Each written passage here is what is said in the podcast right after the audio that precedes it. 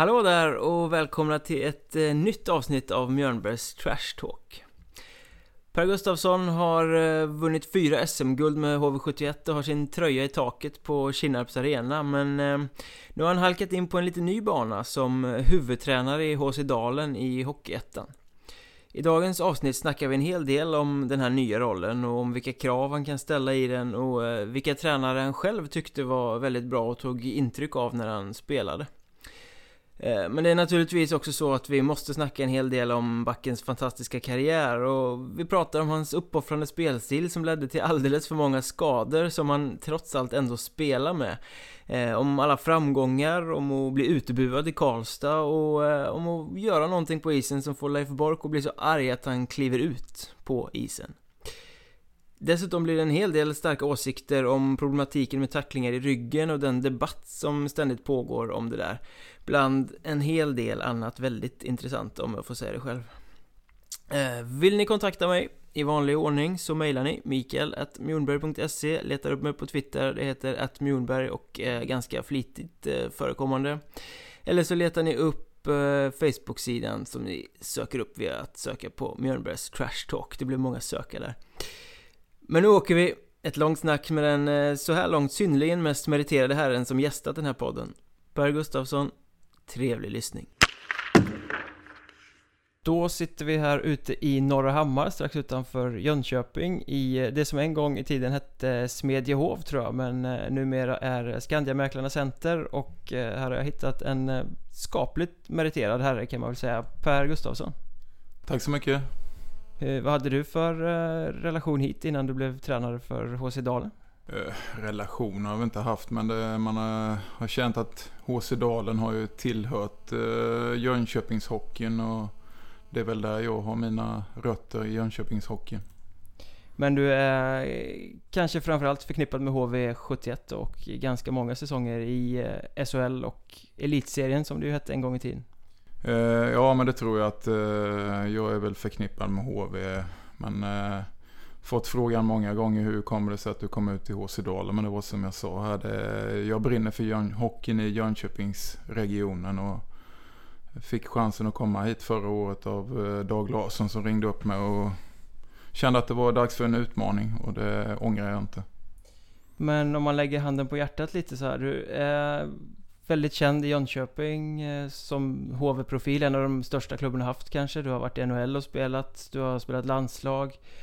Händer det någon gång att det kommer in spelare i, i omklädningsrummet, nya här och blir lite eh, starstruck sådär? Eh, nej, det tror jag inte. Det, jag är så pass gammal nu så de vet nog inte vad jag har gjort. det, det, får de googla på. Men det, nej, det tycker jag inte. Sen har vi ju haft förmånen att haft med Niklas Hjalmarsson och Jesper Fast där brukar vara med och köra med oss här ute. Och då, när Niklas kommer in och Jesper, då, då kan det bli lite starstruck. Blir det knäsvagt på Dalenspelarna då, eller hur? Ja, men så är det ju. För många är de ju vanliga killar, men just för nyförvärven som då blir det lite extra. Hur eh, håller de hårdare i klubban eller vad? Hur tar det sig uttryck om man säger så? Nej, men jag tror de bara tycker det är en rolig upplevelse att få vara med och träna eh, tillsammans med dem. Så de eh, brukar höja nivån lite på våra träningar. Men har du upplevt någon gång att folk har blivit starstruck i din, i din närvaro om man säger så? Eh, nej, det har jag inte.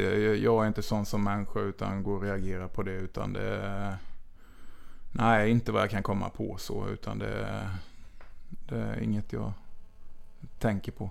Men du gillar att avdramatisera dig själv kan man säga? Eller liksom hålla en ganska låg profil? Du är ju ganska tillbakadragen så i ditt sätt att kommunicera utåt med folk.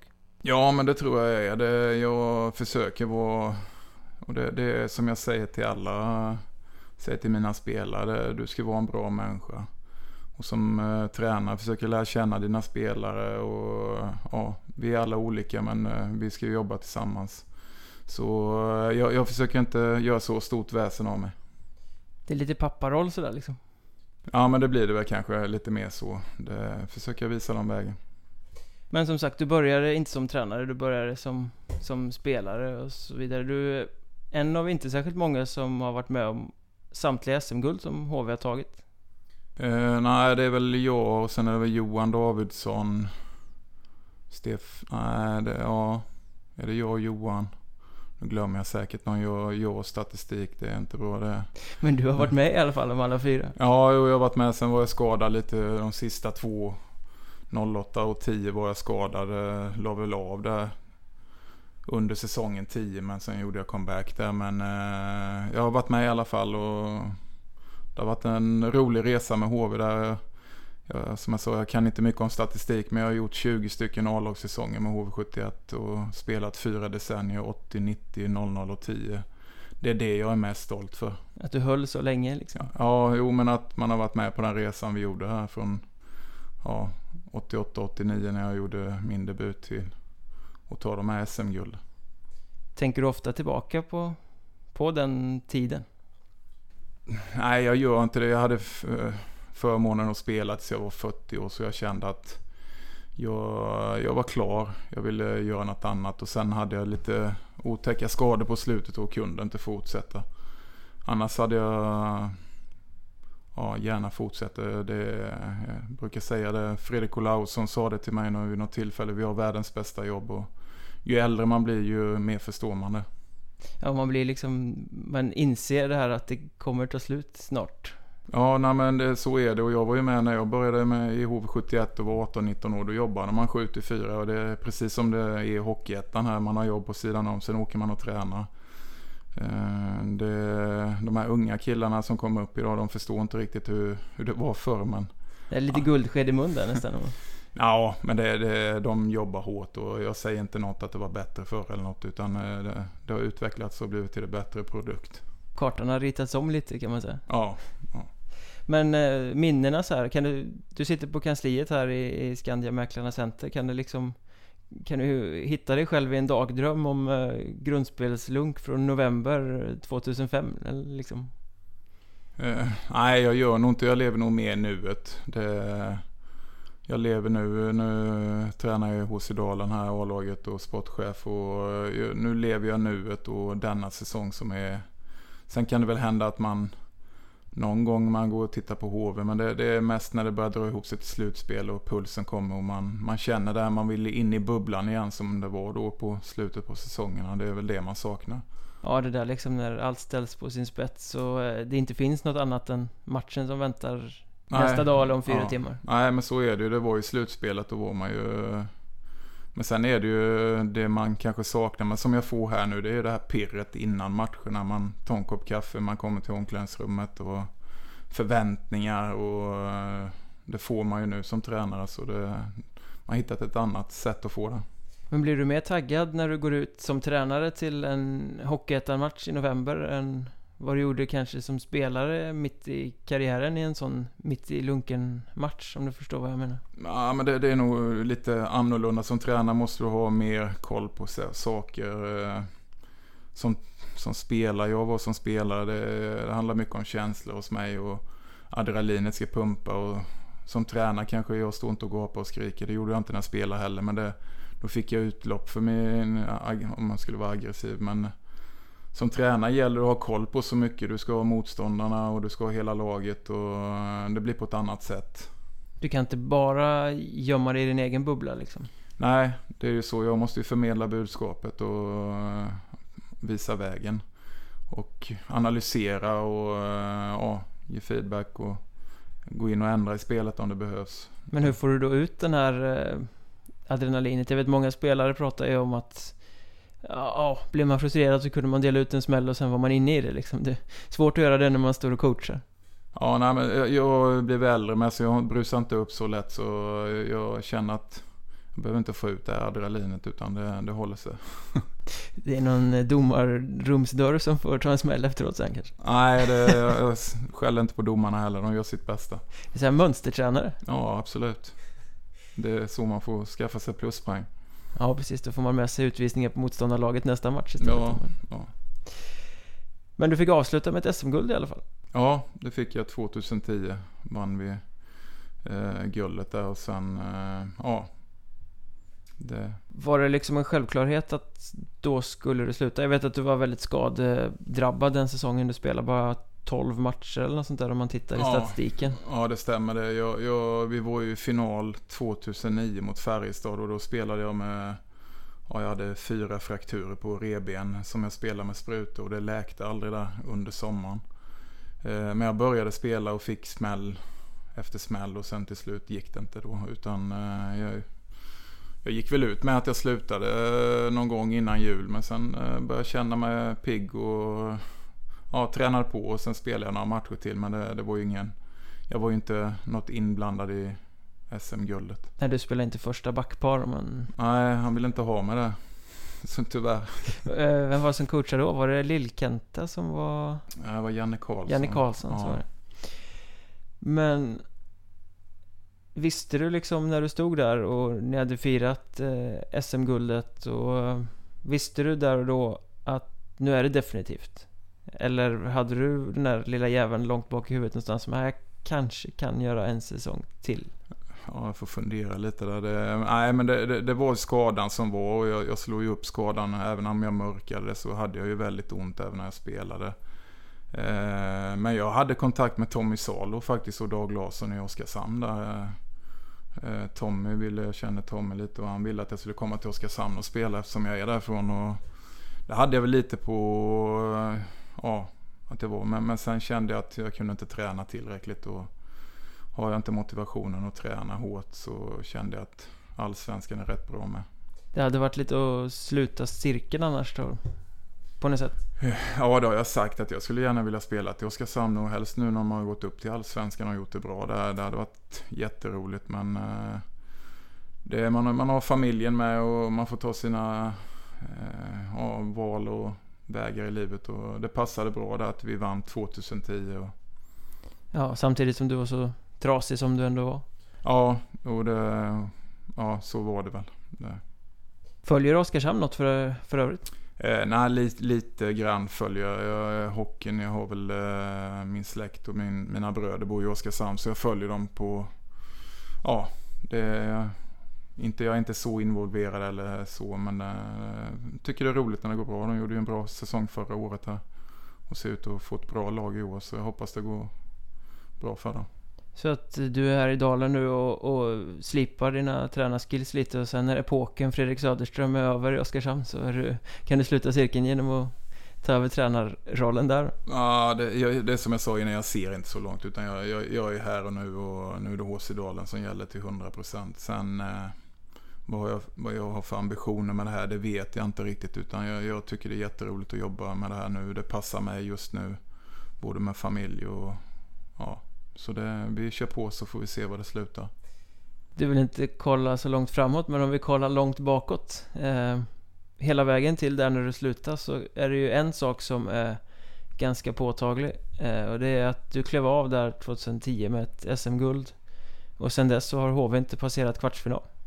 Nej, jag har väl sagt det också. Sen jag slutade har de ju inte gått till semin. Så det, det måste ju ligga något i det. Nej, jag bara skojar. Men det, Nej, det, det, är väl lite synd där, men det var ju lite generationsväxling där med, med Johan och Petra Säck.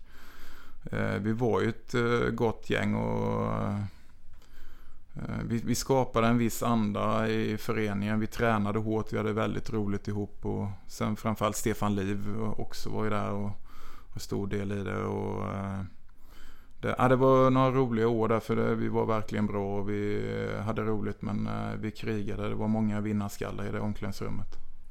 Men hur, hur, nära följer du det nu då när du bor kvar i stan och går och kollar på matcherna när du själv inte har match? Eller hur, hur tätt? Nej, jag, jag, jag är dåligt insatt. Jag kan bara käka någon lunch någon gång och titta på någon A-lagsträning eller en juniormatch.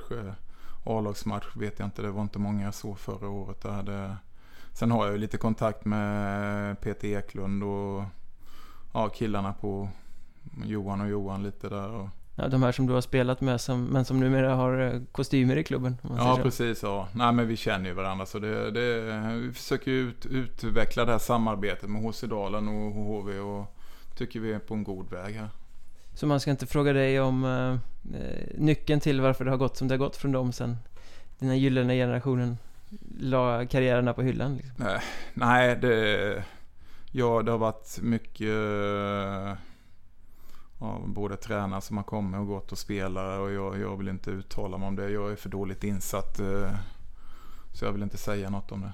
Men, men hur upplever du stämningen i stan? Påverkas den av att laget går lite halvknackigt? För jag menar, det är ju en hockeytokig stad, hela Jönköping. Ja, jo, men, ja, men det, det, känner jag och jag, jag unnar verkligen HV att få gå långt. För man känner att det, nu, nu är det ett tag sedan, det är 6-7 år sedan vi, HV var framme och krigade om medaljerna här. Och jag hoppas eh, det kan bli lite ja, i år eller nästa år. För det, det, folket behöver det. Jag känner det att suget är ju där när det kommer till slutspel och det börjar spelas om medaljerna. Då, då är det en riktig hockeystad. Men är det som att folk börjar bli lite luttrade nu? Det har gått, gått dåligt för länge. Om man liksom, skulle det gå crazy bananas ifall det plötsligt börjar gå bra igen? Liksom. Ja men det tror jag nog. Det absolut, det tror jag. För det, folk är, är engagerade och det, det är något man, man läser när ju äldre man blir. Även om man spelar dåligt så är folk engagerade. Spelar man bra så är det mycket äh, klappa på axeln. Men det får man lära sig att leva med. Och det, men HV71 engagerar, absolut. Då gäller det att få HC Dalen och också börja engagera på det sättet.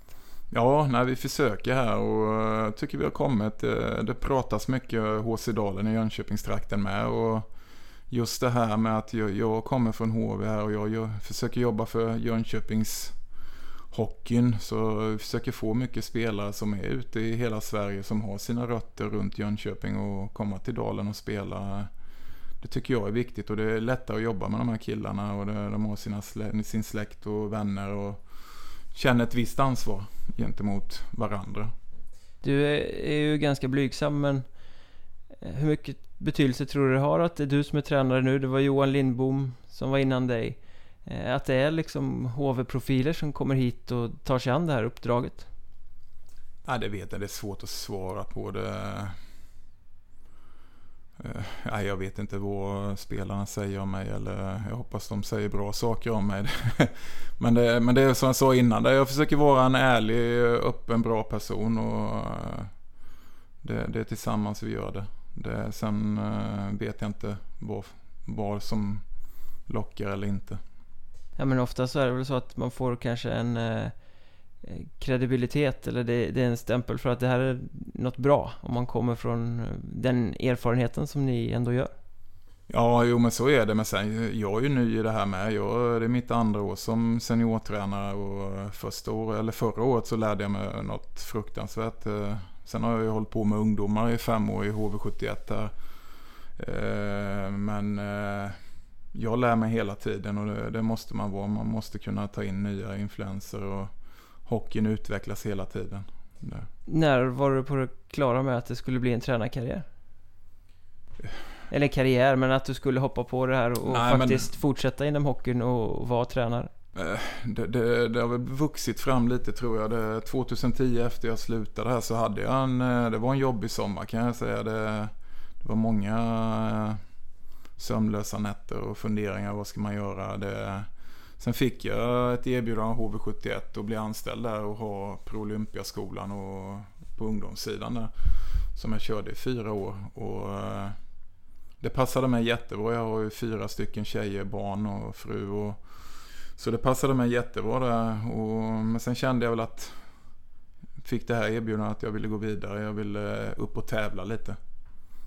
Kan, kan, du beskriva den tomheten som uppstår när man slutar. När någonting, det var liksom 40 år, ganska stor del av livet hållit på med just exakt hockey och inte så mycket annat. Och sen plötsligt från ett firande till en ny dag så finns inte det där längre. Uh, nej, men det, det, det, det var, det, var några månader som var tuffa där. Jag, jag kommer ihåg det. Man låg och funderade. Vad ska man ta vägen? Ska man gå ut i det civila? Eller Sen kände jag väl att det, det, är just hockeyn jag vill hålla på med. Jag känner att jag, man, man utbildar sig till olika yrken och jag har utbildat mig i ishockeyn i 25 år och då kände jag att jag, jag ska försöka dela med mig av mina erfarenheter och sen visste jag inte, jag vet inte än idag om det, det här, om jag kommer fortsätta med det här eller inte men just nu så känner jag att det, det är riktigt roligt och det utvecklar mig som människa med. Var det en bra väg in i tränarkarriären och ta dig an det här med ungdomar? Eh, som du gjorde i många år. Jo men det är det. Jag tror inte man förstår det som spelare. Jag ser ju många spelare som kanske hoppar på och blir assisterande. De blir headcoaches. Och det, det är mycket man ska ja, ha klart för sig att det, det, är en stor apparat runt omkring och framförallt när jag började med ungdomsishockeyn. Det, det, det är mycket att tänka på. Det, så är det. Jag menar, många går lite för fort från spelare till större uppdrag och så förväntas man eh, kunna direkt liksom. Ja, jo men så är det. Men en del klarar det ju jättebra. Men det, jag känner att jag, jag tar det lite lugnt här. du gick verkligen från den, den, stora arenan, kanske det finaste i, i Sverige, till bakgården om man säger så. Ja men det är ju det som är tjusningen med nu. Nu är jag ju tillbaka som när jag, när jag började i HV. Där det var killarna, eller vi jobbade till 7-4 och de kom ut hit och tränade på kvällarna. Och, och det är det som är så roligt. De här killarna vill ju vidare. Vi tränar stenhårt och de äter och, sköter sig. Och, eh, det är ju tillbaks till rötterna. Det, det, är roligt, det är ju glädje. Det, ja. Ja, du sa innan vi slog på mickarna här att eh, när du kommer in som tränare i Dalen så får du åka och återbesöka de här tränarna, eller hallarna som du var och spelade i när du var liten så att säga.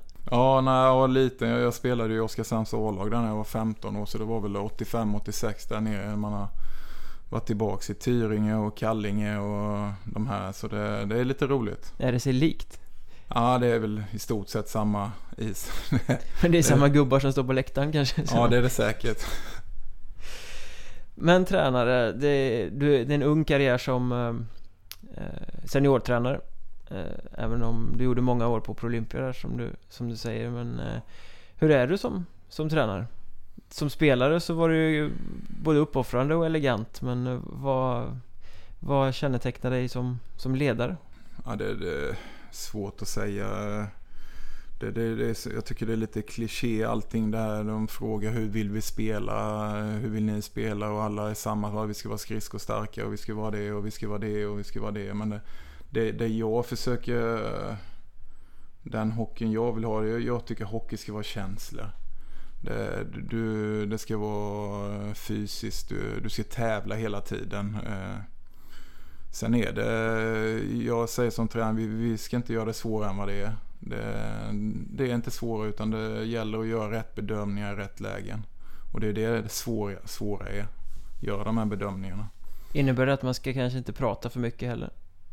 Nej, det, jag tycker inte det. Jag, jag står inte och skriker och gapar under eh, en match till exempel. Utan eh, försöker analysera och sen ta det vid ett annat tillfälle. Som spelare hade du ju rykte om dig att vara liksom en vinnarskalle så att det sjöng om det. Som, liksom, som kunde spela, eh, eller kan man spela med skadade reben eller brutna reben och frakturer till höger och vänster så vill man ju vinna på något sätt liksom.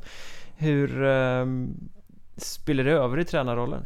Eh, nej, på något vis kanske det gör det. Och eh, jag, jag, förväntar mig vissa grejer av mina spelare och just med det här med kroppsspråk och eh, attityd. Det, det, det, ställer jag. Vi har inte så många krav. Men just det här med kroppsspråk och attityd Om man eh, kommer till hallen och hur man... Ja, vad man gör på träning, vad man gör på match. Det, det, det, det tittar jag mycket på faktiskt. Eh, och det kanske har någonting med att, att jag var sån själv som spelare. Men om någon kommer med hängskallet i träningen och bara visar ointresse, vad, vad händer då? Eh, då är det så här i det här laget att då behöver inte jag gripa in först och främst utan jag har andra killar som tar hand om det. Eh, och det är det som är själva grejen i det här laget utan de eh, driver varandra. Sen kan det hända att jag får kliva in emellanåt också. Och tillrättavisa eller? Liksom? Ja, jo men då tar jag upp det. det men det är dialog snarare än eh, skäll då? Jag har väldigt svårt att stå se dig skälla ut en spelare. Ja, nej men det är ju en dialog. Jag vill inte sänka någon utan jag vill ju lyfta den spelaren. Och det, lyfta en spelare det gör man ju inte om man skäller på den utan det, det får ju bli en dialog. Eh, men jag kan bli arg med. Jag skrek på domaren nere i Tyringe förra året. Var ute på isen nästan men eh, sen lugnade jag ner mig och bad om ursäkt. Så det... Sa du inte precis att du inte skäller på domare? Nej, det var den matchen. Vad hade hänt då? Nej, jag kände det, det gick inte våran väg lite. Det var lite orättvist med utvisningarna. Kan du göra en sån sak, eh, även om du vet att du kanske har fel i sak, men göra en, en ett utspel eller sådär för att eh, tända laget eller eh, liksom ändra fokus på skallarna på killarna? Ja, men då tar jag nog inte domaren utan då gör jag nog något annat istället. Som till exempel? Nej, men det kan vara vad som helst. Jag, kan, jag har fått mina utbrott med, men det, det, det stannar inne i omklädningsrummet. Du är en vinnarskalle, du vill vinna, så är det ju. Eh, man måste som tränare också, eller i, i eh, SHL kan jag tänka mig att där är det bara att köra och vara eh, sitt race och göra allting för att vinna. Här är du i en Hockeyettan-klubb, i en breddliga som ska utbilda morgondagens stjärnor eller i alla fall spelare för Allsvenskan och sådär. Hur är det svårt att balansera det där viljan att vinna kontra det pedagogiska utbildande? Som ju också ingår lite i din uppgift nu. Ja, vi har ju ett ungt lag och det har ju många av eh, Hockeyettan-lagen. Är ju, de är ju unga spelare och de behöver vägledning. Men vi, vi vill ju vinna. Det, sen ska vi ju försöka utbilda och försöka få de här killarna att ta nästa steg. Och, Eh, nu har jag kommit in och jag har försökt jobba med det här. Eh, jag, jag, känner att det är duktiga hockeyspelare i Hockeyettan men de är inte mogna för allsvenskan många av dem. För de, de tränar inte på somrarna. Eh, du måste ha de här grunderna, du måste få den här hårdheten i kroppen. Eh, och det, det, var väl det jag kände att eh, det är för då, de är för dåligt tränade. Det, och jag känner också de här Många föreningar i Hockeyettan, nu ska jag inte säga att det är alla, en del har, bedriver väldigt bra verksamhet men det, det, det, de här första stegen måste man ha innan man tar nästa och det, det har med det här med sommarträning att göra. Det har, du, du kan inte bara värva ihop spelare som du tror ska gå till allsvenskan utan du måste ha en eh, röd tråd i verksamheten. Och det, jag har jobbat stenhårt. här så vi hade ju 12 veckor gemensam träning här från ja, fram till juli månad. Som vi körde 4-5 pass individuella och 2-3 Nej, vi hade 4-5 gemensamma och 2-3 individuella. Så killarna eh, har fått den grunden nu känner jag i år. Jag var tidigt ute med truppen. Vi satte en trupp så vi har varit i snitt 18 killar hela sommaren som har kört ihop. Och det har ju lite med det att göra att man får spela från Jönköpingsregionen med. Så eh, det är viktigt för de här killarna för det är många som, som har spelat J20 superelit och sen sticker de iväg och ska ta nästa steg. Men då, då kör de sommarträning själv. Man frågar, har du tränat? Men jag har tränat stenhårt. Men eh, de ljuger lite för sig själva där. Och det ser jag i många föreningar som inte... Ja, de, de har inte tagit de här stegen utan de, de ska hoppa, hoppa över det här. Men de måste vara, ha det i grunden. Kan det inte vara svårt att ställa den typen av krav på spelare som inte får betalt mer än kanske någon tusenlapp och som ska jobba också eller plugga och sådär?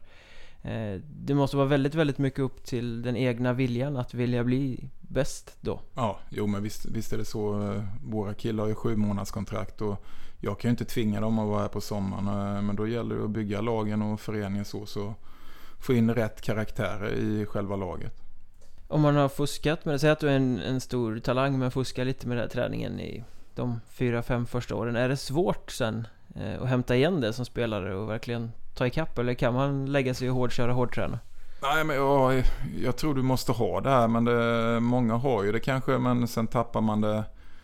Eh, du, du, du, du förbereder ju kroppen för en slags hårdträning. Och som jag ser, vi, vi tränar ju nästan lika mycket som eh, allsvenskt lag här. Och sen har de andra träningstider och bättre förutsättningar. Men du måste ha det. Sen kan man säkert komma tillbaka om man har ja, man brukar prata att poletten ramlar ner. Att det, det finns ingen genväg. Så det, det, tror jag säkert går. Men det, då har man slängt bort fyra år kanske. Hur tidigt kan man, eller känner du att du kan se på spelare om de kommer bli redo för Allsvenskan eller inte? Ja, de är ju här av en anledning. Och det är att de inte är bra nog för att vara i Allsvenskan. Ja, nej men det är svårt att säga. Det, det är mycket...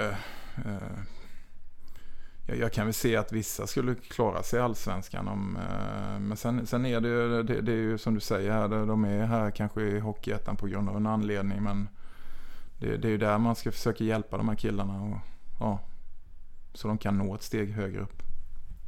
Hur viktigt är kravställandet då? Alltså, för det blir ju inte mindre när du kommer längre upp i, i nej, systemet. Nej, men det, det, jag ställer rätt så höga krav på träningen här. och allt runt omkring. Så jag, jag, tror vi, vi har lika höga krav här som i allsvenska klubbar. Vissa allsvenska klubbar som jag har hört som inte har det heller. Det. Är du tuffare eller mer kravställande som eh, tränare än vad du var som spelare eller tvärtom? Eh, Nej, men det, var, det är nog samma där. Det, jag förväntar mig vissa saker av eh, både när jag spelar mina medspelare och nu av mina spelare. Ja, I eh, höstas tror jag det var så var jag och spelade in podd med Tuppen, David Mm. Fredriksson här och han berättade en story om hur eh, han som junior kom upp och var lite lat i eh, i HV där och fick en rejäl upp eh, eller avhysning av det, eller utskällning helt enkelt. Ja, det, det, det brukar jag ta ibland med han. Men nej, han har, han har ju vuxit, eh, tuppen, så han tränar ju hårt nu. Nej, men det, det var vi hade alltid, eh, på försäsongen hade vi var ute och sprang på en mosse i 3-4 timmar. Och tuppen var väl 18-19 år och sprang det här Cooper-testet 3000 meter på 10,5 minuter. Och jag sprang väl på 12 minuter. Men jag, var med i den snabba gruppen på mossen, men han var med i den långsamma. Och det, efter tre timmar på mossen då, då, då fick han sen fick, han, eh, fick jag ge utlopp för mina aggressioner och det var han som fick ta det. Ja, du var less på Mosslöpet och behövde någon att avreagera Ja precis, ja men det var det. Så låg han och fiskade där i den lugna gruppen. Men är det din typ av ledarskap det där att liksom... eh, Var du, du var lagkapten då? Ja, ja. Eh, Men liksom att visa att så här gör man inte för på det sättet blir vi inte framgångsrika. Nej, ja men så är det ju. Det, det, man, som jag pratar om, man skickar signaler. Det, så här gör vi här och det handlar mycket om att skicka signaler. Händer sådana där grejer ofta? Jo men det gör det. Det hände i vårat lag här i HC Dalen med. Och det, det är killar som eh, sätter andra spelare på plats här med. Och det, det är så det ska vara. Man ska fostra varandra, man ska driva varandra. Det, det handlar mycket om det. Hur lång tid, alltså ramlar polletterna ner när man... när det händer sådana här saker? Nej men det, det går rätt snabbt gör det. det. Det är bara att man själv ska bli medveten om det tror jag.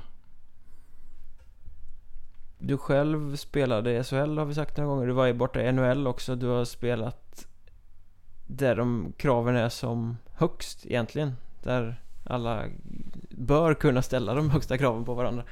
Eh, är det svårt då att, att hantera Hockeyettan-spelare?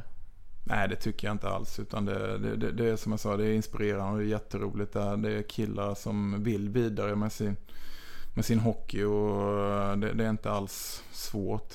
Och jag ser ju de, de älskar ju hockey. Det, det, det är det som ger mig den energin att kunna hålla på med det här. Men jag ser killarna varje dag komma till träning med ett leende och de jobbar stenhårt och vill, vill så mycket.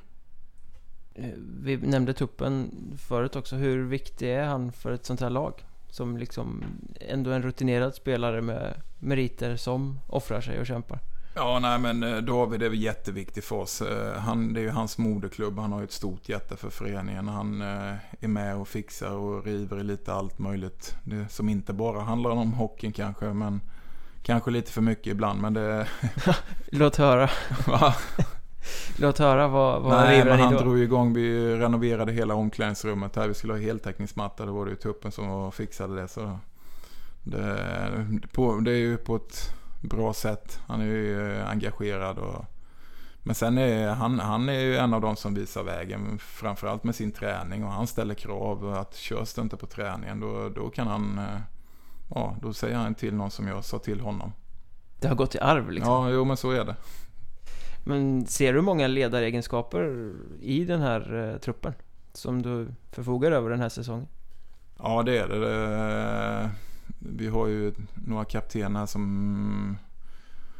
Ja, som vi hade förra året. Men jag, jag säger det, jag skulle kunna sätta C på många. Och det, vi vill, alla ska vara kaptener. Vi ska ta ansvar för det vi gör. Och, eh, men vi, vi har ju många som... Eh, nya som också kommer in och skulle kunna vara kaptener. Och vi har Gl- Glimberg också får man inte glömma. Det kanske en av de största ledarna i laget. Och, så eh, vi har många kaptener i laget tycker jag.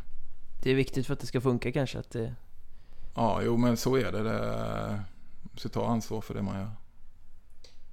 Är du uppoffrande spelare? Du själv var ju ganska hänsynslös mot dig själv. I spelet många gånger. Ja, nej men det gillar jag. Jag gillar ju när de är i skottlinjen och det får ju göra lite ont. Eh, Hockey gör ont och det tycker jag de gör. Det, eller de, de spelar uppoffrande. Kan du ha ont? Ja, jag, jag har väldigt ont nu för tiden. Är det värre nu än när du spelar nu? Ja, det är det. Jag har inget, adrenalin som strömmar till så ofta. När ni vann SM-guld 95 sägs det att du spelar med bruten fot. Ja, jag gick på kryckor hela matchserien med eh, ja, Brynäs där ja. Så jag tränade inte och foten var dubbelt så stor på ena sidan som andra. Men hur, hur är det ens möjligt? Frågar jag som är väldigt eh, icke insatt på området, varken medicinskt eller spelarmässigt. Men det låter ju inte så skönt. Nej, det, det, det var inte skönt var det inte. Men det, det, det, 95 var första året vi var i final och det var sista man gör på säsong. Och jag rådfrågade ju med läkaren och han sa ju från början att det inte skulle gå men så testade vi att spruta så vi fick ju bort smärtan och då var det bara att köra. Men var du gipsad i skridskon då eller? För annars nej, så... nej. Jag, skridskon, jag hade plastskridskor så vi fick gjuta ut dem så jag fick rum med foten i skridskon. För jag har brutit både ben och fötter och jag kan säga att jag kan ju inte ens försöka stödja på det innan det gipsades så att... Eh... Nej, nej men det, ja, det går. Du har hög smärttröskel? Ja, det, det, har jag nog när det gäller... Ja, jag hade nog det. Jag har nog inte det längre, tyvärr. Kommer med åldern? Ja. Nej men eh, funkar det så alltså, när du... Var det så att du spelade och sen så var det jätteont efteråt? Och sen kanske inte så farligt under själva matchen, eller hur? Ja, jo, men, ja men så är det. det sen, sen, är det det här med smärtstillande. Man tar sprutor och man kan ta en Alvedon och Voltaren. Det, det, har man ju tagit och det tar ju bort en del. Men sen det som är det mesta smärtstillande det, det är ju adrenalinet. Det här du får kicken. Eh, du, du är inne i det. Sen kan du när man, matcherna känner jag att jag inte hade så ont. Men det, det var ju nätterna när, ja, ja, när sprutorna släppte då. Då var det ju som 09 där när jag hade reben. Jag kom inte upp ur sängen på månaden mellan matcherna. Utan det, det, då var det tufft. Var motståndarna medvetna om de här små blessyrerna? Eh, nej, det tror jag inte. Man försöker ju mörka det. det en del visste nog om det kanske. Men det var inga sådana här små extra slashings just på skridskorna och sådär? Nej, inte vad jag kommer ihåg. Det var för länge sedan. Men eh, är du själv, var du, nu spelar du inte längre, men var du själv duktig på att snappa upp sånt där hos, eh, hos motståndarna? Ja, men det visste man ju om de... Det är ju alltid så i ett slutspel helst då att man, eh, man vet ju vad killarna har ont. De har lite extra skydd här och där. Och, så får man läge så... Man får slå på andra skador alltså? Ja, det får man göra. Var går gränsen? Vad, vad är det, Nej, liksom, när har man gått över gränsen? Nej, men det, det, handlar ju om att vinna och vinna kriget. Så man får ju inte göra dum, dum, dumheter där ute. Utan det, men man kan ju visa att man vet att de har ont någonstans. Vilka är de värsta skadorna du har haft själv då som du har spelat med? Är det brutna foten eller revbenen eller har vi några andra vi kan? Ja, det, det är så mycket skador. här. Eh, Ja, jag hade en eh, handledsskada, en handledsfraktur eh, som var riktigt eh, rejäl. Så jag var gipsad fyra månader. Där var väl inte hundra men där gjorde vår läkare Lars-Göran Hassel bra jobb och en handkirurg. Så de fixade den. Och sen det, det otäckaste är nog jag fick ett skott på halsen. Så jag gick ner och täckte ett skott mot Luleå hemma var och fick skott på struphuvudet. Och då, då fick jag åka upp till Linköping och ligga där. Då, då var jag lite rädd faktiskt. När de sätter sig på andningen och sånt. Slagskott? Ja. Vad, tuppar du av eller? Nej, men det, det var jag fick ju åka iväg där så jag hade svårt att andas och det svullnade upp. Och då, då blir man lite så. Men annars. Jag har haft mest benskador så jag har inte haft så mycket förslitningsskador utan det har varit krossskador du har fått liksom din vila när du har varit borta på grund av frakturer så att det har inte förslitit? Nej, jag sa ju det. Mycket skada. Om jag kan hålla på länge då. Vila kroppen lite. Men vilken säsong var det här med, med struphuvudet? Ja, jag tror det var i början på 00, 01, 02 någon gång tror jag. Hur uh, mycket matcher missade du då? För du... Ja, jag missade nog bara tre matcher eller något så. Jag fick något specialskydd där för halsen sen. Men på riktigt, alltså hur vågar man gå ut igen och, och slänga sig och täcka skott när det har hänt en sån sak? Ja men då, då ja, du, du tänker inte så i de banorna utan när, när du är inne i matchen så kör du det. Sen, sen får man ju inte göra något dumt. Ju, läkarna får ju säga sitt med. Utan man gör ju inget utan att läkarna godkänner det. Men det har liksom aldrig varit så här... Uh, jag kanske inte ska hålla på med det här. Det kanske är för farligt. Eller du har älskat sporten för mycket för att överhuvudtaget tänka i den banan? Ja, de, de tankarna har aldrig kommit där utan det, det tillhör sporten på något sätt. Det, det, det, det gör ont ibland och så känner jag i alla fall. Sen kanske det är de som spelar en hel karriär och inte ont någonstans. Men det, för mig ingår det, det, det är lite smärta, det kostar lite att vinna. Det är värt liksom? Ja, i slutändan för mig var det det. Men jag menar, skott på halsen, det kan ju i värsta fall sluta med att man dör liksom. Du sa ju själv att du blev rädd där. Det borde ju på något sätt... Ja, men nu dog jag ju inte så. nej, nej, det tackar vi för. Ja, nej, nej men det, nej, jag, jag, har inte, jag har inte fått de tankarna riktigt. Sen kan man ju, man har ju fått hjärnskakningar och varit borta och då kan man få sen lite, är det det här ska hålla på med? Vad hände efter karriären? Och, men, man är så uppe i det och man funderar inte, man reflekterar inte över det. När du tittar på hockey idag, kan du liksom känna Känns det värre liksom när någon slår sig eller så att oh fan det där var läskigt liksom? Nej, nej det gör jag nog inte utan det, det är nog samma. Det är lika ont nu som då. Luttrad? Ja. Men eh, du säger du har ont idag, är det för att du blir gammal eller är det några av de här grejerna som, ja, som hänger sig kvar liksom? Ja men det är väl lite småskavanker har man ju. Det är problem med nacke och rygg och det är axel och det, det är lite dagsformen. Sen eh, försöker jag träna lite och då mår man bättre. Det, efter 2010 så gjorde jag ingenting på fyra år. Jag tränade inte eller någonting. Jag kände att det, det var skönt att inte ha några måsten. Jag slutade äta i stort sett utan jag tog en macka när jag kände för det. Det, det, det var skönt. Inte tänka på kosten? Nej. Eh, hur, hur lång tid tog det innan kroppen vande sig vid en sån sak?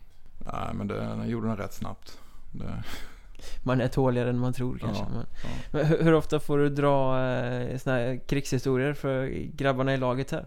Jag kan Nej, tänka, det, de, måste väl vara hungriga på, på stories? Nej, men det, det tar jag inte för killarna. Det, det är väl om någon frågar något. Utan det, det är ju inget jag står och berättar. Utan... Nej, men de, jag tänker de kanske är frågvisa. Ja, Pelle, kan du inte berätta om säsongen 02-03 här när du...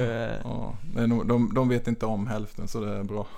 Är det skönt kanske? Alltså, ja men det är det. Och, det och ha ja. historien bakom sig. Att det inte var en, eh, en liksom en eh, underhållning eller vad man ska säga. Ja, nej men det, det, det, Min karriär är ju förknippad mycket med skador och det, när vi vann 04 så var jag ju skadad med. Jag spelade ju inte i... Jag gick in sista kvartsfinalmatchen mot Modo och då hade jag ett brutet Nej, en bruten handled så våran läkare drog stiftet från handleden dagen innan vi spelade där efter tre veckor då efter operation. Och det, det var ju... Ja, det kanske inte var så smart men det, det var det värt. Men ni vann? Ja, vi vann. Eh, har du spelat något slutspel oskadad? Nej, det tror jag inte. det är... Nej, jag, jag tror det, det är slutet på säsongen. Jag tror många spelar skadade och... Det, och då vet man det är det sista man gör. Sen har man en hel sommar på sig och rehabba. Och, så det, jag tror det är vanligare än vad man tror. Har du någon gång reflekterat över varför du blev så mycket skadad? Nej men det var ju för man spelade dumt. Man gick in i dumma situationer och det spelade vårdslöst vissa situationer så det man, det man var väl inte tillräckligt smart där ute kanske. Det låter lite mer som att man brann så mycket för det att det liksom inte gick att hålla igen. Ja, nej men jag, jag, känner väl att jag var väl ingen stor spelare så. Eh, jag hade väl spelsinne och så. Men eh, det, det jag kände med min, mitt spel var ju hjärta och gå och, ja. Det var väl så jag spelade. Försökte eh, ge energi på det sättet. Det är så du är ihågkommen också som en... Ja, då, den uppoffrande ja, spelaren. Ja. Tror, tror du att dina spelare här är mer benägna att eh, spela på det sättet eftersom de vet att du gjorde det. Det är ju liksom om man har en ledare som man vet att okej, okay, han täckte skott med munnen om det krävdes. Då är det ju svårt att inte göra det själv, tänker jag. Nej, men det, det, tror jag inte de funderar på alls. Utan det, vi spelar för laget och för andra. Och sen har vi olika kvaliteter. En del killar ska göra vissa saker de är bra på och andra, andra grejer då. Fast alla ska väl täcka skott? Det ska man göra. Jag menar, Ja, det är ju jag bara... har, har svårt att se någon, att bli glad ifall någon kommer ut och aktat sig lite där i... Nej men det, det, får man ju inte göra utan det, det, det är gummi, det, det gör inte ont. Du sa ju precis att det gör lite ont. Ja, men det, det går över. ja, precis. Det är sinnebilden här som det, det går över. Eh, har du en syn på hur man ska spela hockey eller hur man ska uppträda som hockeyspelare förändrat sig från eh, spelarkarriären till det att du nu har blivit tränare och fått en lite bredare bild av det hela? Eh, ja, spelet har ju förändrat sig så något fruktansvärt de sista åren. Här. Det, det går ju, alla är så mycket bättre tränade, spelet går snabbare. Men sen är det, jag nämnde det innan, det, det, det är inga hemligheter utan det, det gäller, det är ett mentalt krig där ute. Du, du ska vinna över din motståndare i en mot en situationer. Det, det är spel över hela banan. Eh, så i grund och botten är det ju inte skillnad. Men sen är det ju att spelarna blir ju mer och mer skickliga. Det är ju det som är skillnaden. Men tänker du hockey på ett annat sätt? Eh, jo men det gör jag. jag.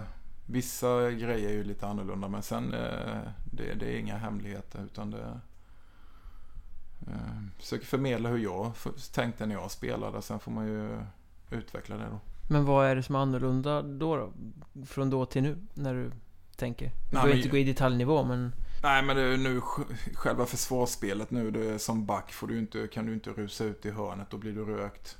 Kommer du på sidan eller lite jämsides som en back så får du inte haka. Förr var det ju man åkte ut och sen åkte man vattenskidor in till målet. Det, det är sådana här grejer som har utvecklat spelet. Så där är det ju skillnad och där får man ju vara lite smartare, ligga på rätt sida, kanske inte ja, det, det är lite små grejer så. Tjänade du som eh, spelare på att kunna åka vattenskidor? Eller var lite haka och... Nej, men jag spelade nog inte så mycket med klubban. ja, du var inte långsam. Det är många backar som är jävligt långsamma. Ja, det kanske det är. Eh, men, men tycker du att hockeyn är bättre idag än vad den var eh, på din tid? Av den anledningen? Eh, ja, det är det. det jag ska inte säga något annat. Utan det är ett helt annat spel. Är det. det Tittar man tillbaks, eh, 90, ja, kan ta när vi vann guldet 95. Tittar man på den finalserien, det, då sitter man och skrattar nästan. Det, det, men sen kunde man, det var ett annat mentalt spel också. Och det, det här med tacklingar i ryggen. Jag, jag är så trött på den här debatten om det här med tacklingar i ryggen och det är huvudtacklingar. Det, jag, jag, jag är trött på debatten det, det jag lärde mig när jag började spela ishockey och vad jag, har du pucken, titta upp. Och vänd inte ryggen åt spelaren som kommer. Det, det var vad man fick lära sig. Nu vänder alla spelare ryggen åt när de kommer. De tittar ner på pucken. Eh, ja, det, det är vad jag har att säga om. Jag tycker det, det är reglerna som har förstört det här med ryggtacklingarna. Men att det är för petigt så att folk ja, utnyttjar det? Liksom. Ja, folk utnyttjar det, det. De vänder ryggen, då får man inte tackla honom. Det, förr var det så, vänd inte ryggen åt för då blir du tacklad ändå. Du vill hellre se en, en mer fysisk hockey där man får smälla på mer? Ja. Då vänder du inte ryggen åt vid sargen när det kommer en back. Utan då ställer du axel mot axel. Men hur kan man komma till rätta med det på något sätt nu? Dit In, reglerna har kommit? Inte nu. Nej, så, så att, de, liksom... de, har ju jobbat på det här i år här nu med de här tacklingar och bedömningar. Och sen domarna tar ju och vänder de ryggen kanske de inte tar om det är en ful tackling om de ser det här. Men det, det är svårbedömt. Det var mer lättbedömt innan. Uh, upplever du att uh, spelarna har problem med den typen av bedömningar i, i tacklingssituationer och sådär? Att de inte vet vad de ska förvänta sig eller få göra eller inte få göra? Eh, ja men det är ju svårt för det, du får ju inte tackla någon i ryggen. Du får inte tackla någon mot huvudet. Men spelare som vänder ryggen och huvudet åt den, eh, då förstör... Du tar ju bort all närkampsspel. Så i dagens hockey så får du knappt tacklas. Det... Hur skulle du, i en perfekt värld, hur skulle det se ut? Eller hur eh, skulle man komma till rätta med, med problemet? Är det bara att prata om det och lära folk från tidigare ålder att ta tacklingar eller? Ja, det gjorde man ju när man var yngre med. Man fick ju lära sig att ta emot en tackling. Jag tror inte det är några ungdomslag som tränar på det. Att man tar emot tacklingar och tacklas för att vinna fördel av pucken och sånt där. Det, det, det, det har jag inte sett på många ställen. Men eh, det här debatten är... Jag tror det är för sent nu. Det kommer sluta med att vi kommer ta bort alla tacklingar. Blir inte hockeyn jättetråkig då? Det är precis så. Men du tycker att den var roligare om vi tittar tio år tillbaka än vad den är idag? Nej, men jag tycker ju hockey är roligt idag med. Men det, det, det är ett annorlunda spel. Det, det är inte samma sak. Ja men det låter ju som att du saknar den här fysiken på, på ett sätt som... Jo men det gör jag. Just det här med, jag är trött på debatten om ryggtacklingar och huvudtacklingar. Den debatten är jag väldigt trött på eftersom det, det har smugit sig in under ett visst antal år här med de här regelförändringarna. Och det började med att man inte fick tackla ryggen och tacklade någon som man träffar huvudet först. Det, det går så snabbt där ute idag. Det, det, man måste ställa lite mer krav på puckföraren. Det var väl lite en sån sak som man inte räknade med när man förstorade zoner och tog bort redline offside och allting sånt här. Att spelet speedades ju upp ganska betänkligt. Ja, jo men så är det. Det, det går ju så fruktansvärt mycket snabbare idag och alla är mycket större och starkare. Så det, det blir ju farligare där med, det förstår jag också. Men jag tycker man eh, började där när man började med ja, vända ryggen när man är i sarghörnan och om man inte får tackla det, det, då var man illa ute. Skulle din spelartyp ha gjort sig sämre idag än vad den gjorde när det begav sig? Nej, det vet jag inte. Det är en svår fråga. Jag, jag avstår den. Då hoppar vi tillbaka in i, i uh, tränarkarriären istället och så uh, du gör din andra, när vi spelar in det här så ska du precis gå in i, i din eh, andra säsong som eh, Dalen-tränare här. Och det, säsongen som gick då ni bommade allettan precis eh, det var ditt första år som seniortränare. Lärde du dig mycket där som du tar dig med till år två? För jag menar, det måste ju ändå, även om du tränade många år innan ungdomar, så måste det vara en ganska stor skillnad när man kliver in i ett seniorlag, även om det är unga spelare även där. Jo men det är det och jag, jag visste ju inte alls de här lagen som var i söderettan här, eh, vad det var för typ av hockey. Jag var ju, hade ju tittat på lite filmer, gamla matcher från året innan där, men det är svårt att se något där.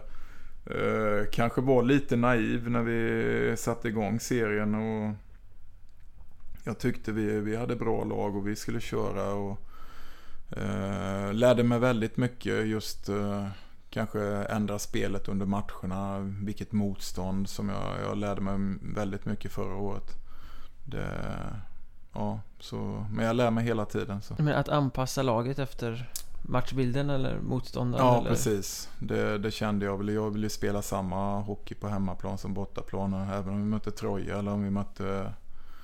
Eh, det, det kommer jag ändra på lite i år.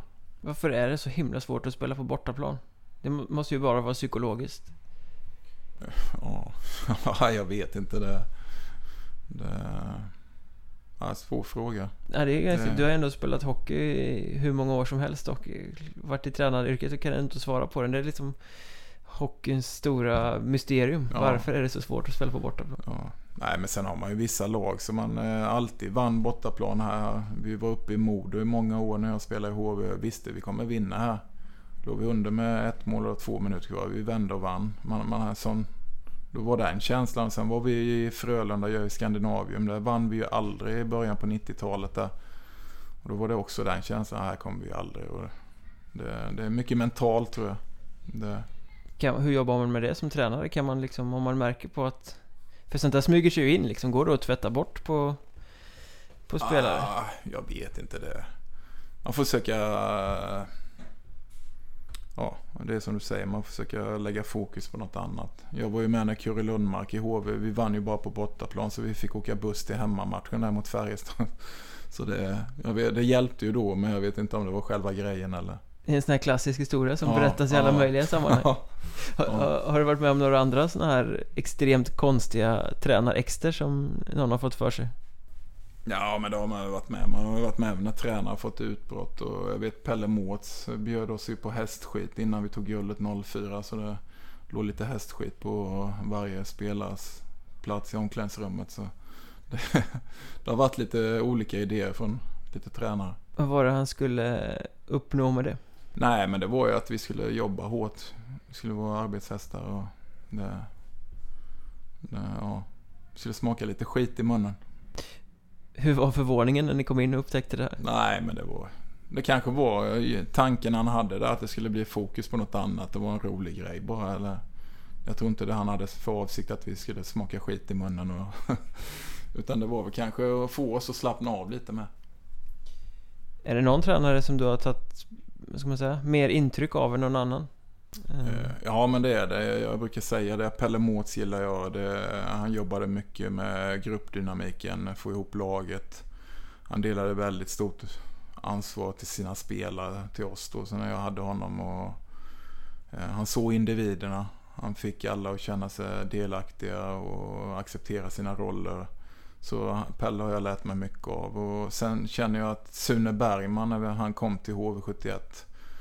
Eh, då var jag väl kanske 24-25 där någon gång. Jag började bli lite äldre då. Så kanske poletten ramlade ner på mig. Men det, han, det han ville att vi skulle spela så ville jag också spela. Det, han, han satte ord på hur, hur det skulle vara. Så ni hittar varandra i hockeyfilosofin på något sätt? Ja, ja. Så att när du står här ute i gamla Smedjehov och coachar så är du en eh, hybrid av eh, Sune Bergman och Per Mårts? Nej, det får vi inte hoppas. Varför inte? Nej, nej men det, man, man, har tagit mycket av olika tränare. Vi hade Kenta Johansson, han hade jättebra isträningar. Eh, så man, man plockar ju lite av varje tränare man har haft. Och, eh, så det, det, det, nu glömmer jag säkert många tränare.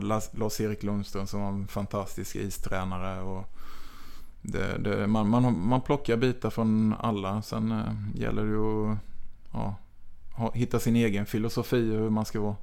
Behöver inte nämna några namn, men finns det skräckexempel också? Sådana här liksom att nej, så där, så där ska man inte göra. Det där var riktigt dåligt.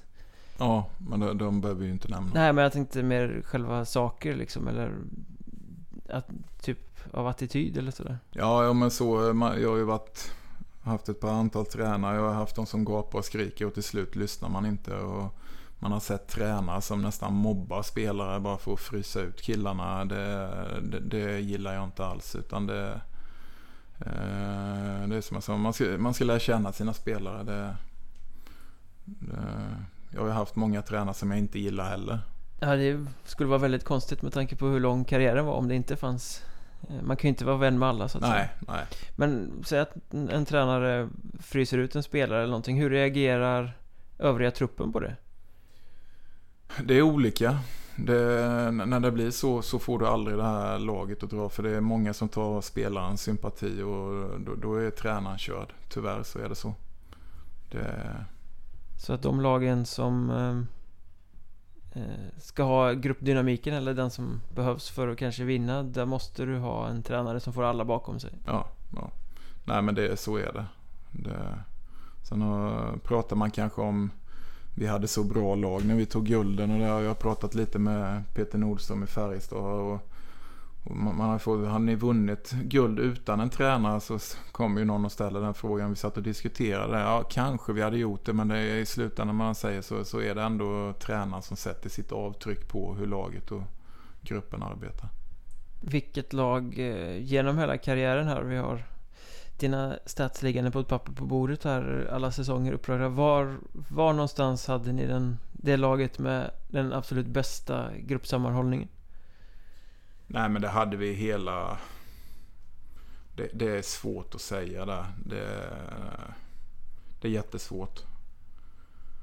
Eh, jag tycker vi hade efter 95 vi tog guldet där så då, då hände någonting i hela HV71. Vi blev mycket proffsigare som förening och vi var med på övre halvan av tabellen. Eh, och då, då skapade vi de här eh, ja, mentaliteten, hur man ska vara. HV-andan om man kan prata om det. Man ska träna hårt och det ska vara ett gott gäng. Och det, det, det växte sig. Eh, ja, både med Petra, Säk Davidsson och Liv när de kom också och hade det här. Och, och det såg man ju på juniorerna med. De såg att vi tränade hårt och de tränade hårdare. Och, så det, det, var, det var var, man kan inte säga att det var just det året utan eh, det, det var något som var pågående där under flera år.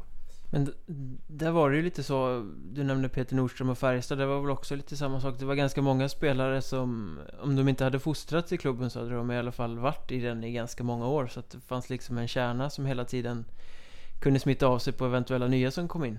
Ja. Om man säger så. Ja. Är det, är den typen av lag svårare att liksom verkligen den här gruppen hitta idag? Med tanke på hur mycket mer marknaden är större och friare och många rör sig och det är bara en, två säsonger sen ska man vidare till nästa. Eh, ja men, ja, men så är det. Jag känner väl att du, det, det, du får inte det här. Det, det, är svårt för lagen med att få de här spelarna. Eh, det är ju därför jag tycker det är så roligt att vara här ute i dalen då och ha de här killarna som är från Jönköpingstrakten. Jag tycker det är jätteroligt att jobba med dem. Eh, sen vet jag att vi, vi har ju bra förspänt här nu. Vi har ju många gamla HV-juniorer som är ute i Sverige och som ja, vill komma tillbaka till oss här. Och så har ju inte alla lagen så jag förstår ju det är olika för olika lag. Jag tänkte komma till det, är det lite det ni eftersträvar här? För att i, i princip hela truppen är ju Tittar man på eh, moderklubb så är det ju HV, HV, HV, HV rakt igenom och sen lite andra småländska klubbar runt omkring på andra. Men är, är det lite det du, för det är du som står för många av värvningen också, som eftersöker du det här som ni hade i HV på, Ja, ja, på men, under ja. storhetstiden om man säger Ja, så? nej, men lite så är det och det, det, det är lättare att jobba med de här killarna som har kanske familj och eh, vänner i stan och de har en förankring i själva bygden. Det, det, är, det är lättare och just som jag sa med sommarträningen här, vi tränar 12 veckor ihop, 18 man varje träning och det, det blir lä- lättare att få till den gruppdynamiken. Eh, och de känner en stolthet för dem, det de gör. De åker till en annan klubb ja, uppe i Norrland eller någonting. eh, Ingen som ser, ingen som synar den riktigt. Utan eh, här ställs det lite krav på dem. Finns det någon baksida med att det är så väldigt eh, hemtamt eller man ska säga? Så många från samma Eh, ställe? det, det är väl något jag, jag håller på att jobba, vi håller på att jobba med här. Det, det kan vara lite för tamt på isen ibland på träningarna. Det, det är bra fart och det är bra kvalitet. Men det, det här tävlandet och att man kan bli lite arg på varandra med. Det, det är väl något vi måste jobba med. Men har det med just Jönköpingsanknytningen att göra? Att de är polare från början eller? Nej, men nej, det vet jag inte. Det är svårt att säga. Det. det är väl kanske något som man, många lag har svårt med. Du får väl slå i en dörr eller någonting så att det blir lite Ja, aggression. får, får vi se det. ja, vissa tränare jobbar väl också med den filosofin att eh, uppröra, eh, framförallt på andra sidan Atlanten kan jag tänka mig att man ska uppröra laget så mycket så att de sluter sig som en grupp mot tränaren och blir starkare på det sättet. Ja, Har du upplevt det någon gång? Eh, nej, inte riktigt så, men det kanske jag får testa den här säsongen då. Jag tror inte du kommer bli framgångsrik faktiskt. Om Nej. Nej, jag har aldrig varit med om det. det. Men det finns exempel på det med. Men hur var det borta i säsongerna som du gjorde i Nordamerika? Skilde det sig ganska mycket mot hur svenska tränare tacklar saker? Eh, ja, det var det. det sen, sen var det, jag var ju över 96, 97, 97, 98 och det, nu är ju, jag hade ju ingen koll på NHL. Jag, det fanns ju inte internet knappt och man såg ju inga matcher. Man visste ju de här storspelarna men det var ju fruktansvärt mycket bra hockeyspelare. Det, så jag hade väl inte så mycket att förvänta mig men det, Sen, sen eh, tycker jag tränare, jag hade bra tränare i Florida hade vi, backtränaren var Lindy Ruff hade vi där. Så han var ju eh, nog bland de bästa jag haft som tränare. Eh, han Vad var hans styrka då som... Nej men han kunde prata med killarna, han brusade inte upp sig utan han var lugn, saklig och ja, en god gubbe och man kunde snacka med honom på sidan om också utan eh, han hade inte den här som de andra avgränsa sig gentemot sina spelare. Eh, Så han var väl eh, bra. Han var riktigt bra. Sen hade vi ju Doug McLean och Dwayne Sutter. Där, där var det ju mycket skrik och gap. Sådana här som man stänger av? Ja, precis. Ja, men så, precis så är det ju. Det, de, man lyssnar ju inte på dem till slut. Men är inte det lite den nordamerikanska ledarstilen? Lite macho, lite... Jo, jo det är det ju. Det.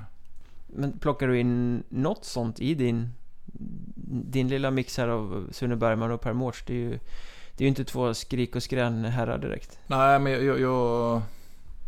Nej, inte, inte så vad jag tänker på i mitt ledarskap. Utan det... det jag kan väl höja rösten med, men det, det, det händer inte allt för ofta. Det är väl kanske då det gör eh, skillnad Ja, jo, alltså, men då, så, då så, så resonerar jag med. Är du ganska lika som person utanför isen som i tränarrollen? Ja, det tror jag. Eh, Det får någon annan svara på som... Ja det är jävligt svårt att recensera sig själv i och för sig men eh, Nej, men det, det är spelarna som jag har här nu. De vet ju inte hur jag är hemma mot min familj. Så det är, jag lever ett dubbelliv här. Det här är din andra familj Ja. Eh, Men, men från Nordamerika här, tog du med Vad tog du främst med dig, tror du? Ja, det är så länge sedan nu med det. Ja, det man lärde sig ju väldigt mycket där borta. Men det...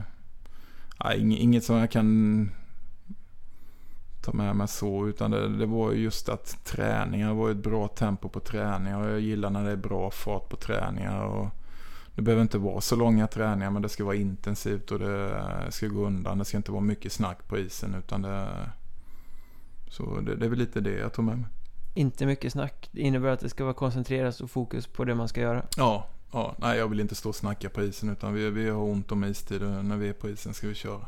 Ni dominerar inte och får ta istid som ni vill här ute? Nej, det, vi har lite ont om istid här. Men det är många lag, kids och Ja, HC Dalen har ju Smålands tredje största ungdomsverksamhet. Det är bara HV och Växjö som är större där. Så, sen har vi både J20 Super eller Elit och ett J18-lag. Så det är många lag här ute. Hur är återväxten på det då? Kommer ni kunna på sikt plocka skickliga juniorer till, till A-laget? Ja, det, det är ju vår målsättning att kunna slussa in lite spelare från juniorerna som eh, ja, gå den vägen. Och vi, vi lägger lite resurser på juniorsidan nu i år med och hoppas det ska ge utdelning om ett par år.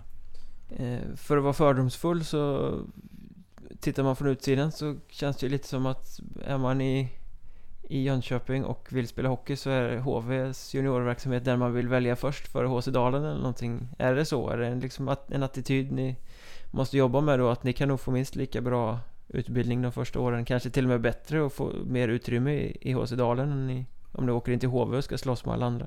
Ja, nej, det, jag vet inte hur. Det är hur man tänker där som ungdom. Så eh, nu har vi ett bra samarbete. Vi, vi har ett samarbete med HV71 där som eh, vi har fått tag i ett par sponsorer som går in och sponsrar hela hockeyskolan. Så de har inga avgifter eh, när de börjar i hockeyskolan två första åren. Både i HV71 och Åsedalen. Och då har vi några företag som har gått in där och det, det är ett samarbete som stärker föreningarna.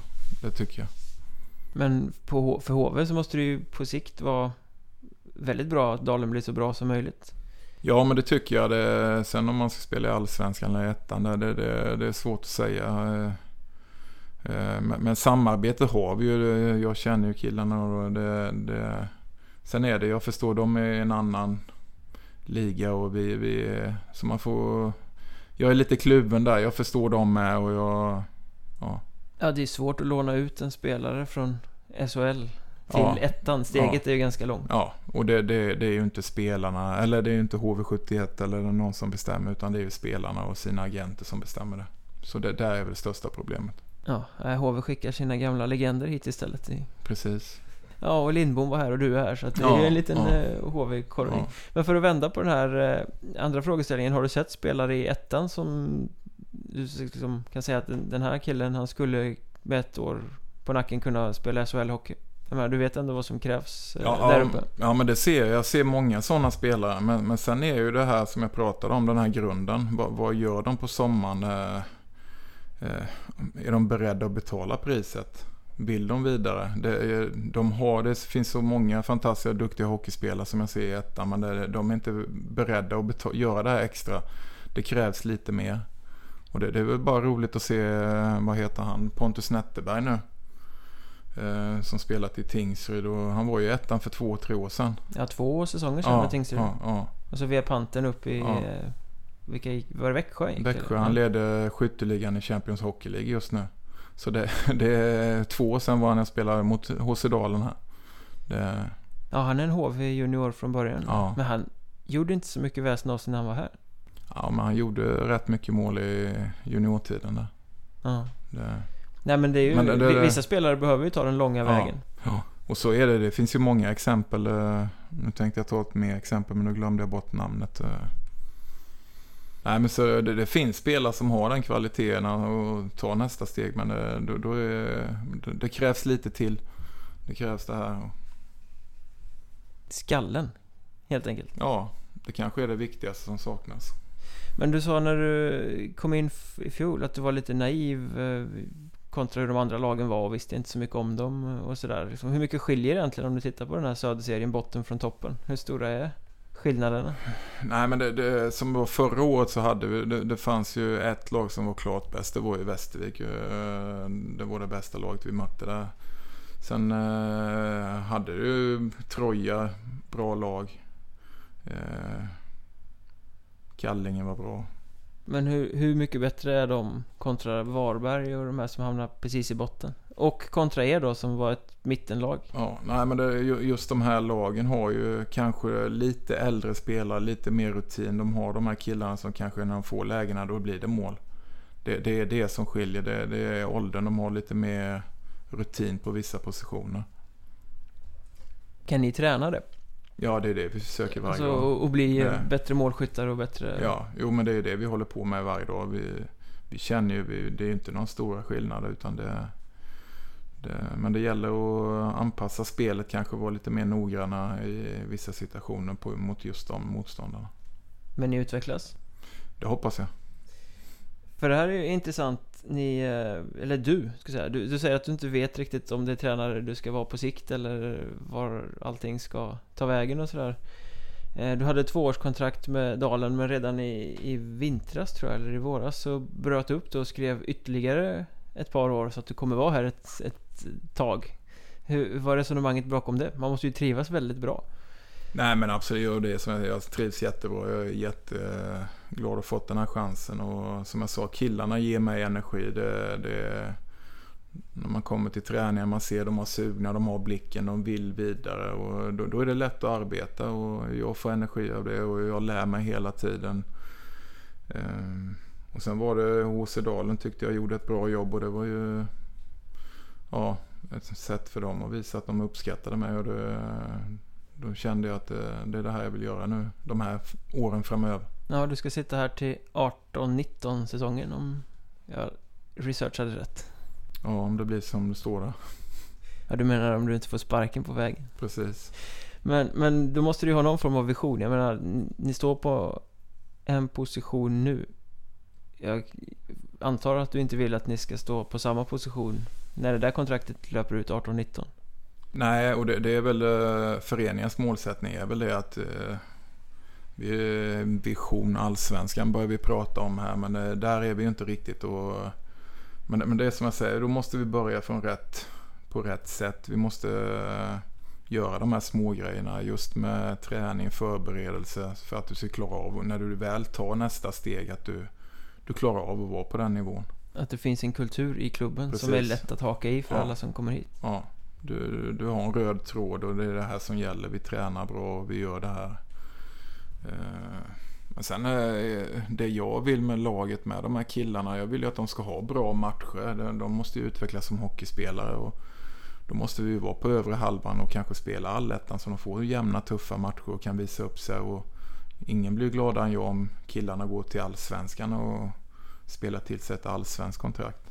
Nej, men det är ju först när du möter de eh, bästa lagen som du utvecklas. Ja, egentligen. Ja, I alla fall på ja, sikt om man ska... Jo, men det, de, de, behöver tuffa matcher. Det. Vilken är höjdpunkten i tränarkarriären så här långt? I HC Dalen? Ja, i seniorhockey.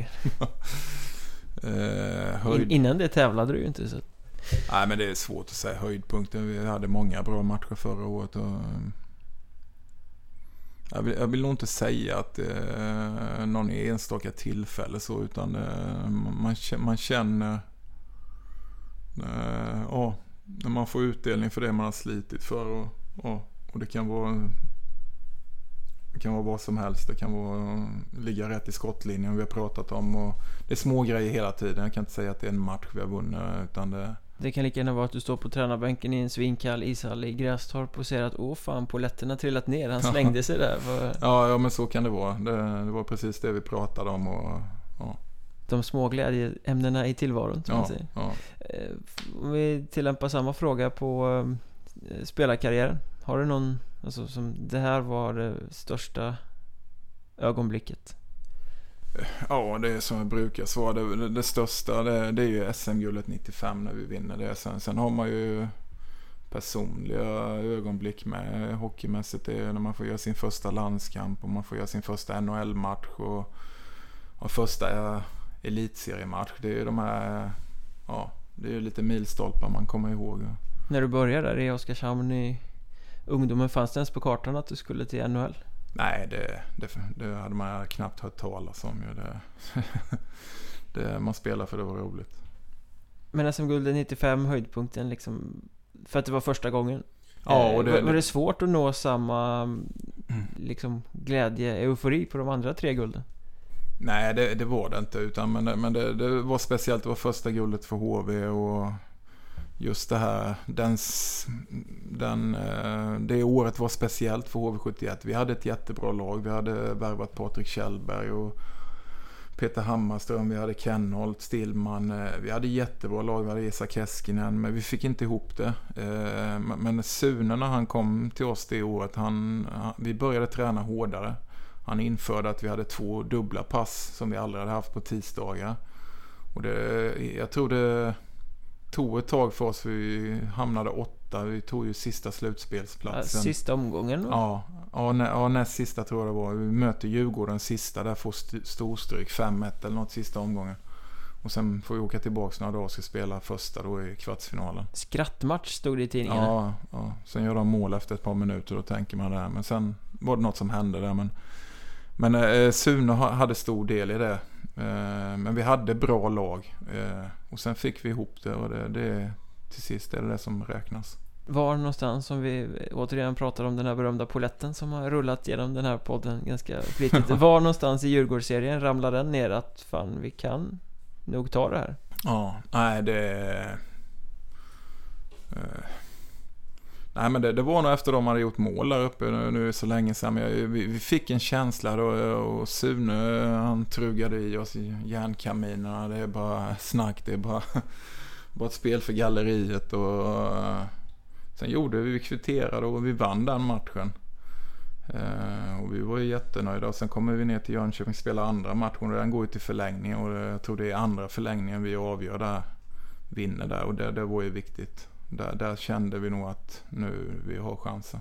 Jag så kände att nerverna på motståndarna började bli Ja, nej, mer vi, shaky också. ja nej, men vi kände Djurgården hade ju sin storhetstid där eh, slut på 80-90-talet. Så de ju, hade ju ett rykte om att vara järnkaminer och körde. Men vi, vi var starkare än dem. Vi var bättre tränare än dem helt enkelt och vi kände det. Är det alltid det laget som är bäst tränat som, som vinner? Nej, det behöver det inte vara. Men det, man kan ju intala sig då om man är lite sämre att de andra ser tröttare ut. Ja, det måste du ha gjort många gånger i karriären. Ja, En annan sån här slutspelsgrej grej som jag blev uppmärksammad på var att eh, det var du som var den skyldige när Leif Bork fick eh, psykbryt och gav sig ut på isen i Kinnarps arena. eh, och jag vet inte om jag kommer ihåg det. Jo, jag kommer ihåg det. Han var lite arg där. Ja, det var någonting Nej. med Ove Molin, men jag ja, vet inte. jag, jag körde över Ove Molin utanför deras bås. Medvetet? Nej, han hade ju pucken så det, det får man ju tacklas. Inte i ryggen. Nej, det var inte ryggen. Är det, är det den märkligaste reaktionen du har fått någon gång på en eh, utdelad tackling? Ja, man har, man har ju inte varit... Det, det roligaste det, den roligaste matcherna var nog ändå när vi spelade 09 slutspelet. Eh, mot Färjestad. När vi tar silvret där. Det, det var ändå roliga matcher där för det, det, då var man inte populär. Varje gång jag hade pucken uppe i Karlstad så buade publiken för jag hade skadat Lee Goren och Martin Johansson tror jag i matchen innan. Men då, då, blir det ju lite häftigt. Så det, Skadat dem genom oflyt liksom? Ta Ja, tacklingar det, det, som... ja, ja, det var, jag hade ju revbensskada och de skulle komma och tackla mig och jag var tvungen att sätta upp klubban så det tog ju olyckligt på dem. Känner man sig som lite kung då när en hel arena buar? Nej men det, det, det triggar ju en. Då, då betyder det ju att man gör något bra. Men du var lite mer buse än vad, Nej, vad, vad du fick nej. erkännande för? nej, nej. Det är väl de tillfällena som har varit. Okej, du har fått mer eh, stryk än du har gett då? Ja, det, så kan vi säga. Ja, men då får vi hoppas att eh, de här menen inte eh, fortsätter att utvecklas i alla fall. Att du eh, får kanske en lite lugnare resa som tränare än som, som spelare. Ja, det hoppas jag. Det får hålla sig undan smällarna. Ja, jag står inte för nära sargkanten bara. Nej, det gör jag inte. Stå och gömmer mig. Ja, det låter bra. Mm. Det var kul att du ville vara med. Det var kul att vara med. Lyssna mycket på podcasten. Vi får börja lyssna på din med då. Ja, det är en självklarhet. Ja, Tack så mycket. tack.